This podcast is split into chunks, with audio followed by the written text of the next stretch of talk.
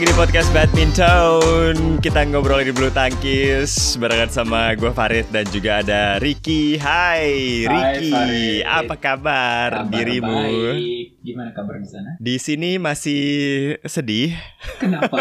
Kenapa sedih? Iya, karena gue kan nonton, gue kan jarang-jarang Ricky nonton bulu tangkis yang sampai tengah malam banget gitu loh.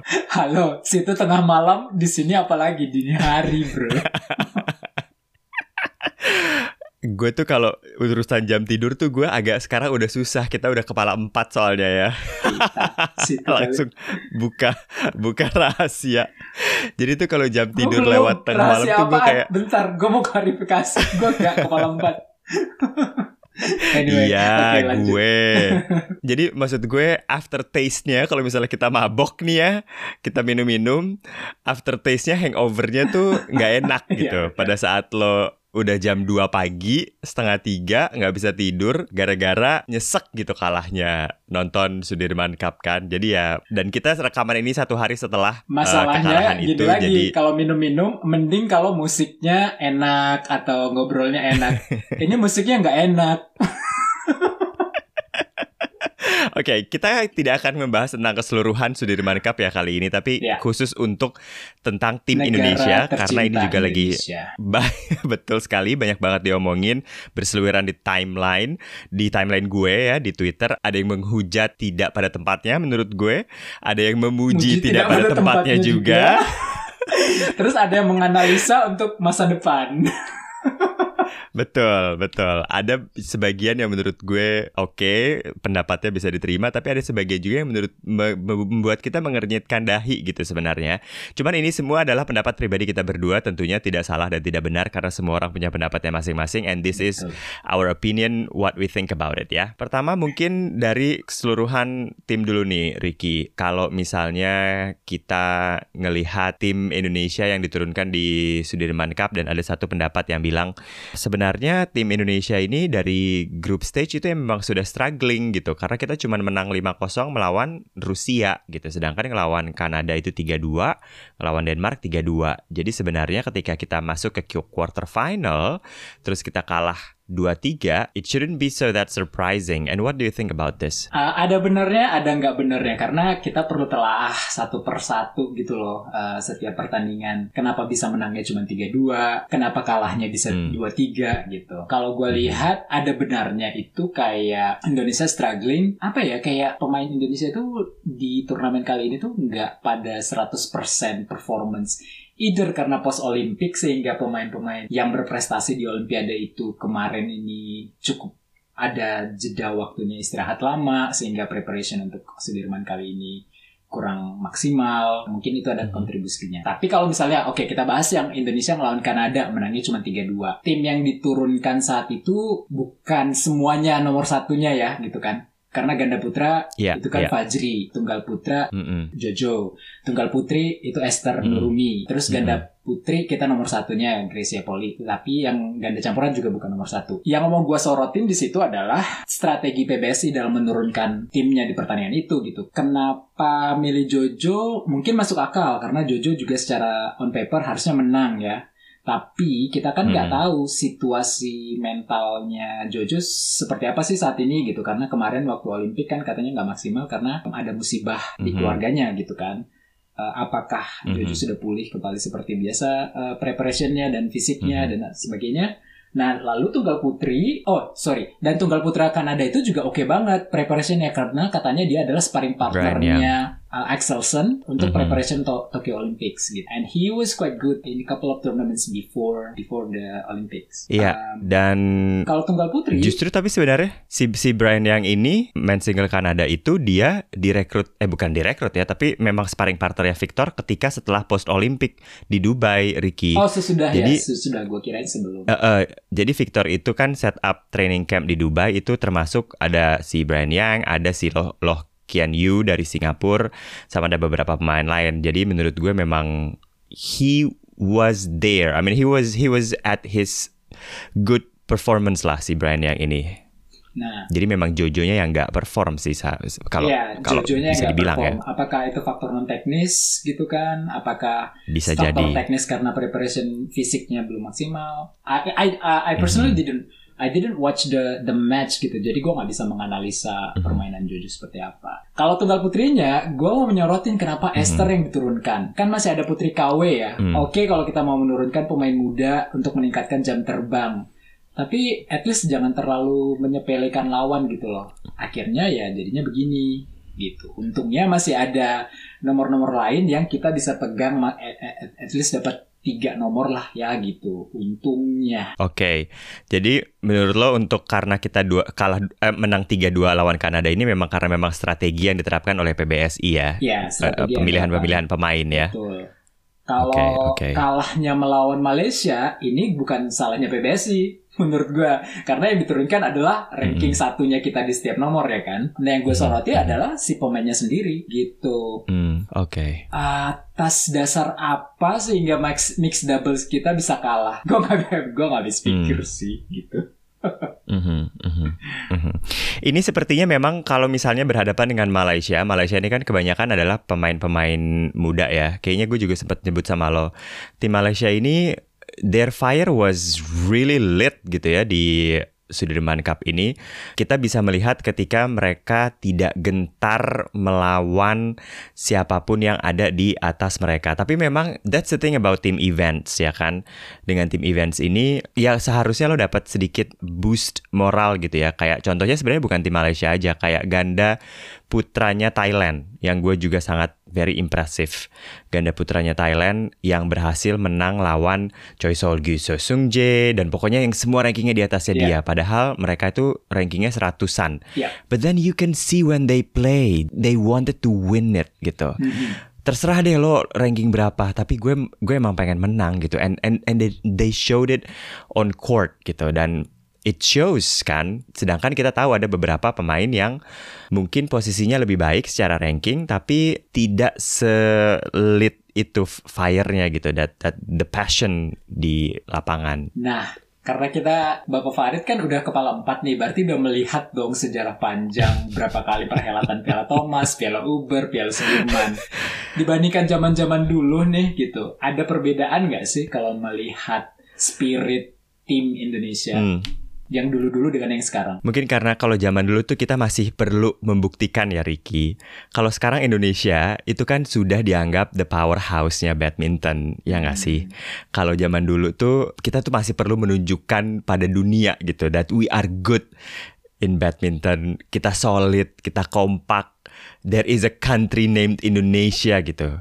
Dan pemain-pemainnya ini jadi akhirnya tuh sangat ya itu sangat membela banget gitu di lapangan apalagi kalau udah tim gitu kan. Kalau sekarang eh, akhirnya karena nama-nama besarnya juga sudah ada, mungkin jadi akhirnya lebih ke prestis pribadi juga gitu. Eh, But I don't know, it's just me saying ya. Tapi nggak tahu deh. Kalau menurut lo gimana? Hmm, gue agak berbeda ya. Uh, karena gue ngerasa Indonesia itu lebih powerhouse di zaman dulu ketimbang sekarang. Karena ya zaman dulu hanya beberapa negara ya yang yang kuat dan menguasai badminton. Sekarang kan udah lebih banyak negara muncul kayak uh, Jepang, Thailand. Uh, Mhm. Yang dulu kayak Mhm. 20 tahun yang lalu misalnya they were nobody basically. Hmm. Cuman ya zaman dulu gue ngeliat team spirit itu sangat kuat gitu sehingga ketika kita ngadepin Betul. waktu itu ya kita ngadepin Korea atau China yang di atas kertas ranking mereka di atasnya Indonesia, tapi pemain Indonesia Mhm. itu bisa menang aja gitu Um, dan Karena adanya spirit itu Iya, kan. yang yang lu bilang tadi tuh kayak Iya, iya, fire iya, iya, inside of the players gitu ketika di lapangan. Ya, ya, ya, And ya, that's ya. what I didn't see uh, the whole tournament. In bukan cuma turnamen kali ini, tapi beberapa tahun ini gitu. Walaupun padahal pemain-pemainnya itu berpotensi dan ketika main di nomor individual kita bisa eksis gitu. Tapi kalau untuk tim Nah. events, I don't know Hmm. why the fire's not. Nah ini itu sepertinya yang sedang terjadi dengan pemain-pemain muda Malaysia ini. Ketika mereka dikasih tanggung jawab, itu mereka justru seperti ingin menunjukkan bukan hanya pada dunia tapi pada seniornya. Kayak si Lee Chechia pengen nunjukin kalau don't compare me with Lee Chong Wei because I'm Lee Chechia gitu kan. And then he want to to you know do his best dan begitu pun juga dengan semua kayak pemain ganda putrinya lah, ganda campurannya gitu kayak uh, uh, mereka pengen keluar dari bayang-bayang seniornya dan justru akhirnya kelihatan betapa mereka ingin sekali menang di setiap per permainan atau pertandingannya. Itu yang juga terjadi dengan tim Malaysia yang kemarin kita lihat pada saat melawan Indonesia sih ya. But yeah, kudos to Malaysia team karena mainnya mereka gila sih kemarin dan membuat mm -hmm. sejarah akhirnya mereka bisa dapat medali pertama kali di Sudirman Cup. Yes, yes. Jadi ya sekali lagi ya kudos buat tim Malaysia karena memang lebih tampil lebih baik. There's no words ya, karena kata si Kevin pun tidak ada alasan gitu karena memang lawan tampil jauh lebih baik gitu. Nah, kalau misalnya kita ngomongin tentang pujian ya, puji kita sudah memuji tim Malaysia yang sangat bagus. Terus kemudian kalau misalnya di timeline gue yang berseliweran itu adalah banyak sekali pujian yang kemudian mengalir ke Georgie sebagai women single kita yang dianggap menyelamatkan Indonesia dari kekalahan 3-1 gitu. At least dia bisa memetik kemenangan pertama di partai kedua ya. Do you think about this? Uh, menurut gue itu sudah pada tempatnya Georgia harus menang, jadi tidak perlu ada pujian yang berlebihan karena on paper dia memang lebih baik rankingnya dan kalau hmm. menonton pertandingannya sendiri itu sangat gue dalam beberapa episode ini kalau menyebut menyinggung soal Georgia dan tunggal putri Indonesia gue agak kritis ya jadi tapi ya kenyataannya demikian kalau orang-orang yang menonton pertandingan kemarin itu ah mainnya jorok banget mainnya hmm. intinya kalau dia bermain simple aja nggak usah yang aneh-aneh deh jangan yang ngadi-ngadi gitu ya hmm. bisa mhm. menang hmm. kok tapi uh, ya, ya, main ya, joroknya Georgie itu masih sangat parah sih kemarin jadi kalau mau dipuji hmm. not really I wouldn't I wouldn't give her credit that much gitu. Ya, gue setuju sama lo. Karena sekarang ini yang gue lihat di timeline glorifikasinya sudah tidak sehat. Georgie ini menurut gue tidak bermain outstanding. Dia no. bermain yeah. justru agak sedikit di bawah levelnya dia. She yes. could have done better. She could have done better. She could have and finished. And we know she can do that. Yeah. We know that she, she is better. She can. She can. She can, tapi dia banyak errornya. Kemudian dia juga mengakui kalau dia adalah nervous karena dia udah kita udah ketinggalan 0-1. Tapi lawannya adalah hmm. lawannya juga bukan Akane Yamaguchi gitu. No. Ak lawannya juga bukan bukan Cho Wong gitu yeah. yang jauh di atasnya dia gitu. Lawannya jauh di bawah dia gitu si Kusona ini. Jadi she should have won. Dia memang sudah seharusnya menang. Bahkan dibandingkan Minions, dia memang sudah harus menang. menang. Kalau Minions kalah Minions kalah, gue masih bisa mengerti ya hmm. dengan kondisi mereka. Walaupun ya banyak orang juga yang kemudian menghujat Minions ya. Cuman iya. maksudnya we, we we get it. Iron Chia So Week is on fire. Olimpiade kemarin mereka juga keren banget. And Minions is not mereka gitu right at their best. Tapi kalau Georgie menang, itu memang sudah seharusnya. I'm really really sorry. This is very unpopular karena banyak sekali orang yang sangat memuji Georgie dan kemudian kita semua harus sungkem sama Georgie karena Georgie berhasil mendapatkan poin she should have got that point yeah. in the first place. So that's what we think. On the other hand, our men singles seharusnya mereka tidak se-struggling ini loh di Sudirman Cup ya nggak sih? Mereka jadi the weakest link mereka itu tingkat kekalahannya dari empat kali bermain itu tiga loh. Mereka cuma menang sekali. Dan itu juga gara-gara menurut gue Rusia salah masukin nama. Kalau masukin nama atlet yang benar bisa jadi nol menangnya. nah, what is wrong dengan Ginting dan Jojo ini? Aduh. Gue balik ke uh, uh, pendapat gue uh, apa analisa gue yang tadi preparation post Olympic di tunggal putra kita ini masih kurang ready. Uh, untuk kasusnya Jojo bisa jadi karena masalah hmm ya, keluarganya gitu kan. Yang ini disinggung juga hmm. sama Morton kalau nggak salah. Morton berpendapat bahwa uh, Jojo is not there yet, gitu. belum balik ke hmm. formnya dia. Kalau masalah Ginting, Ginting baru dapat medali Olimpik, and then okay. semua orang yang dapat medali itu bisa jadi agak drop gitu loh, either motivasi, either training sessionsnya, karena banyak hmm. invitation ke sana kemari gitu kan, bisa jadi itu faktornya Walaupun kalau mau pakai alasan itu, well, ganda putra Malaysia dapat perunggu, dia bagus aja tuh mainnya gitu. Uh, Victor Axelsen dapat medali emas, bagus aja tuh mainnya gitu. was was still on top juga gitu ya sih Iya betul kan? betul.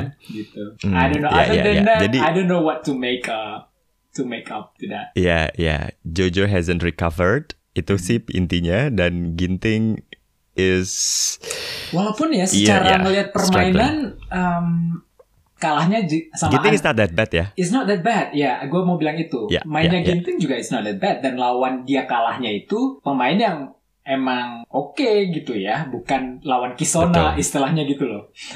Kalau mau di, Betul, di, betul. dise- disetarain ke tunggal putri. Jojo on the other hand lawannya kan waktu itu Kanada dan harusnya di bawahnya. Tapi karena situasinya lain gitu.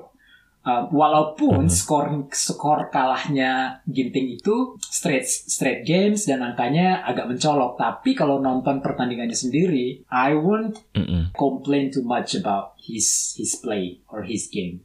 Karena masih oke sepertinya. Hanya finishingnya aja yang kurang. Cuman pada saat lawan Anders Antonsen sih menurut gue yang Anders Antonsen ini memang played incredibly well, Hmm. very strong. Jadi mungkin itu juga agak sedikit mengagetkan ya.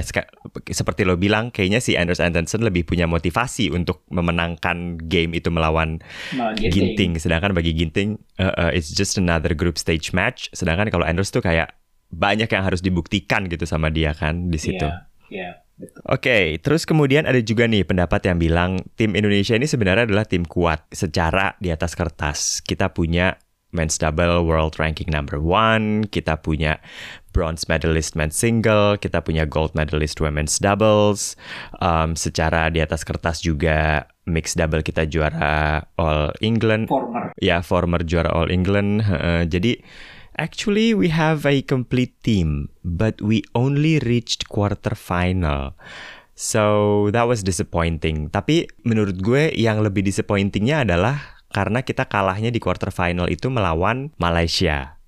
Kalau misalnya kita kalahnya melawan Thailand deh, Hmm. yang mixed double-nya lebih kuat, Kun Lafut juga lagi on fire. Ganda putrinya lebih kuat. Ya, ganda put ah, si- tunggal putrinya juga Tunggal lebih putrinya kuat. juga Itu gue lebih kuat. dari Malaysia lebih maksudnya ya. legowo.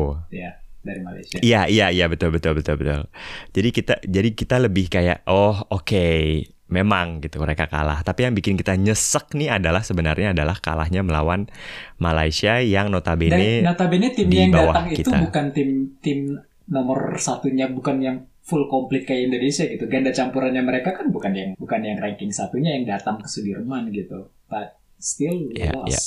Oke, ketika gue nonton pertandingan lawan Malaysia, itu sebenarnya dari body language pemain-pemain Malaysia masuk ke lapangan dengan body language pemain-pemain Indonesia, kecuali ganda putri ya. Ganda putri menurut gue, Gracia Apri itu nggak ada lawan in terms of attitude, body language, and how they pick themselves up gitu ya. Walaupun After lu every error. juga ya kalau bisa 6 poin berturut-turut gitu 7 poin Walaupun greget juga. Cuman they have this positive attitude ya. Tapi kayak semuanya yang lainnya itu tuh body language-nya kayak mulai dari minions half interval pertama, it doesn't seem like they wanted to win. Georgie every time she made an Yeah. error, it felt like the world is falling under her head gitu. Terus kemudian kita lanjut lagi ke ya kalau Ginting bermain seperti biasa menurut gue, Pramel. It's like something is not right with them gitu. Kayak well dua-duanya sebenarnya dua dua pair ini kalau gue lihat secara in terms of skill i- tidak ada tidak ada rally- rally-rally yang begitu wow mencengangkan gitu kan Hmm. kayak semuanya standar gitu either cepat mati ataupun nggak akurat em, ataupun kena net ya tapi secara attitude dan body language-nya si Ho Pangron dan dan Chang Yisi ini tuh menurut gue lebih kayak ayo let's go let's do this we can do this gitu. Lebih kayak yang oh ya oke you made a mistake and then okay don't worry we can do this. Kita kalah 2-1 9 set kedua. Nggak apa-apa set ketiga you know it's it's nothing gitu. Kita masuk ke kemudian ganti lapangan yang mungkin lebih nggak enak courtnya. It's okay we we can do it again. On the other hand Pramel seems just I don't know frustrated stuck and Gua They- untuk they're lost. ganda campuran gue gak ada penjelasan sih. Gue gak ada nggak ada teori yang bisa menjelaskan kenapa mereka bisa kalah ya. Other than ya udah mereka kalah. Aja. other than ya mereka tiba-tiba kalah. Oke, itulah dia yang harus kita terima. Ada lagi unek-unek yang lo ingin sampaikan, Ricky? Ada, jadi um, menyinggung soal minions. Jadi waktu pertandingan minions melawan Aaron Jazz so weak. Jadi si Morton itu melihat uh, footworknya Marcus sama uh, Hmm. powernya Marcus. Dia melihat um, kurang mematikan, tidak seperti biasanya. Hmm. Gua nggak mau menyinggung soal oh ya badan Marcus menggendut gitu. Enggak juga, karena menurut gua masih fine fine aja. Tapi memang gua akuin, gua lihat uh, footworknya itu kecepatannya kurang dibandingkan dulu dulu sehingga banyak yang habis semes kalau lawan ngembaliin ke diagonal dia tuh susah untuk recover ngambil uh, me- me- mengejar bola itu gitu sehingga banyak mati nah dan smash smashnya tidak setajam dan sekeras biasanya gitu lalu Morton berkomentar gini hmm ya apakah PBSI harus mencari partner baru buat Kevin karena kita tahu Marcus sudah berumur 30 Oke. dan Paris tiga tahun lagi. Kalau nunggu kayak setahun sebelum Paris baru dicari. Kayak lu ngelihat PBSI ngelihat performanya Marcus dulu nih, sanggup nggak gitu. Dan baru diputuskan kayak setahun sebelum Paris, it will be too late. What do you think about that? Oh my god. I I don't like to be involved in this discussion separating Marcus dan Kevin, tapi kayaknya memang ini harus di bring bring up ya, Hmm. harus part of the conversation. I don't know, cause Since the pandemic, I have to be honest, kayak the sparks are not there anymore. Hmm.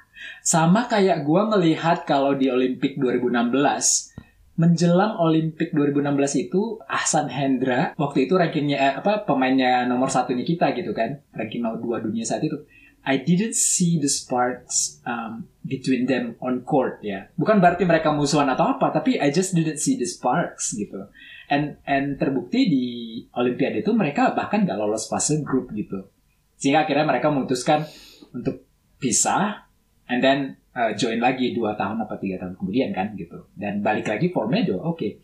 Nah saat ini sejak pandemi kita nggak banyak melihat Marcus uh, dan Kevin kan bertanding. Tapi ketika mereka bertanding, hmm, gue nggak ngelihat sparks itu lagi sih. especially kemarin di quarter final ya, it's like they lost it already, like it's gone. It's they're just playing as if it's like a textbook play. Like I don't know what they were playing at that time. They didn't have any strategy. They didn't feel like they wanted to win. Yeah, it wasn't there. I agree with you. Tapi, Tapi kalau melihat menurut umurnya gue- Marcus udah 30 loh. Are you concerned Enggak sih menurut that? gue enggak menurut gue terlalu prematur sih untuk men men-separate mereka karena this could be one of those moments di mana mereka memang lagi down aja Hmm, like you can't win all the time it's mereka empat harsh, tahun ya. loh jadi nomor satu empat tahun jadi nomor satu it's a long time ya Well, in my defense, Dengan satu tahun, kondisi- satu setengah tahun terakhir itu nggak ada turnamen Betul, berarti betul. sih. Betul betul. Tapi menurut gue bisa jadi loh gara-gara satu setengah tahun gak ada turnamen berarti, terus kemudian akhirnya makanya kemudian the spark is not there.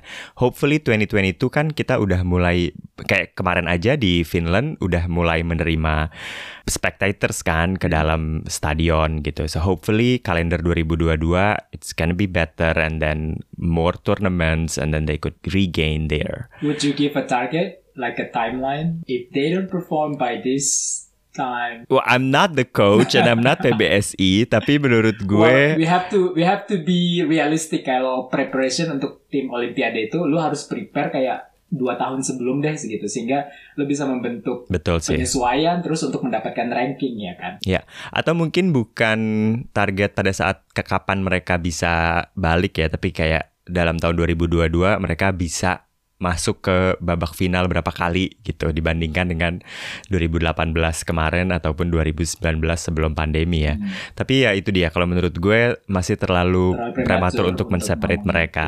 itu. Ya, Jadi ya. sebaiknya jangan di-separate dulu gitu. That's what I think. Oke, That's it. Oh, satu lagi yang gue pengen komen. apa tuh? Tim Thomas Kamp Denmark will be very very scary ya. By the way, tunggal putra ketiga mereka siapa? Masih Vitingus. Rasmus Gemke nggak sih? Oh game ke, oh my god, oke we're done. I thought I, I thought we still we would have a chance karena kita punya Vito gitu kan, Cesar Vito. Kalau lawannya adalah Eh. Vitingus mem- mengandalkan stamina, perbedaan umur dan sebagainya gitu. Tapi kalau game ke ya udahlah, we're done. Plus si Sogard ini gua nggak tahu ya datang dari mana. I think he he's pretty good for uh, At this stage I will not give too, Too much, much credit. credits to him. Um, karena again kayak gue gue kan bilang ke ke lu kan kayak pasangan baru atau orang baru itu punya keuntungan mereka belum terbaca hmm, gitu. Hmm. Um, tapi jadi memang ada harus gue akuin. effect. Tapi memang gue harus akuin di pertandingan kemarin itu Sogard memang mainnya oke banget. He's the MVP Hmm. of the match. So we'll see Okay. in the next few months atau We'll di see. Uh, tahun depan. Kalau episode kemarin gue kita sempat memprediksi siapa yang di final gitu ya. Kalau in this episode ya prediksi gue Thomas Cup Denmark sih. Even China I think is still a little Oh, bit below way, Denmark. I'm rooting for Jepang? Denmark. Apakah, apakah Jepang itu confirm ya ganda putranya Endo dan Yuta sudah selesai? Ya, Endo, Kamson sudah selesai. They are retired dan mereka ternyata tidak tidak mengenal sistem independen ya buat pemain. Hmm, Jadi once lo nggak main di timnas, lo nggak lo nggak bisa main, nggak bisa mewakili Gitu. nama yang Jepang di. ya. nggak bisa mewakili nama Jepang. Ya, It's a good news, but it's a sad news. But anyway, it's a sad news. It's a yeah, it's a sad news in a way because we'll miss them. Okay, I think that's it. That's it. Sekali lagi, selamat buat tim yang masuk ke final. Kalau sekarang kita lihat ini China udah masuk ke final. Yes. Malam ini akan ada pertarungan antara Malaysia. dan Jepang. Sepertinya menurut gue Jepang masih sedikit lebih unggul. Dan apparently China will win Sudirman Cup again. gue tidak ada ikut campur dalam uh, statement barusan, jadi gue tidak akan That's just- that's- apa pun. That's just me. Oke, ya sudah, ketemu lagi sampai episode depan. Dadah. bye.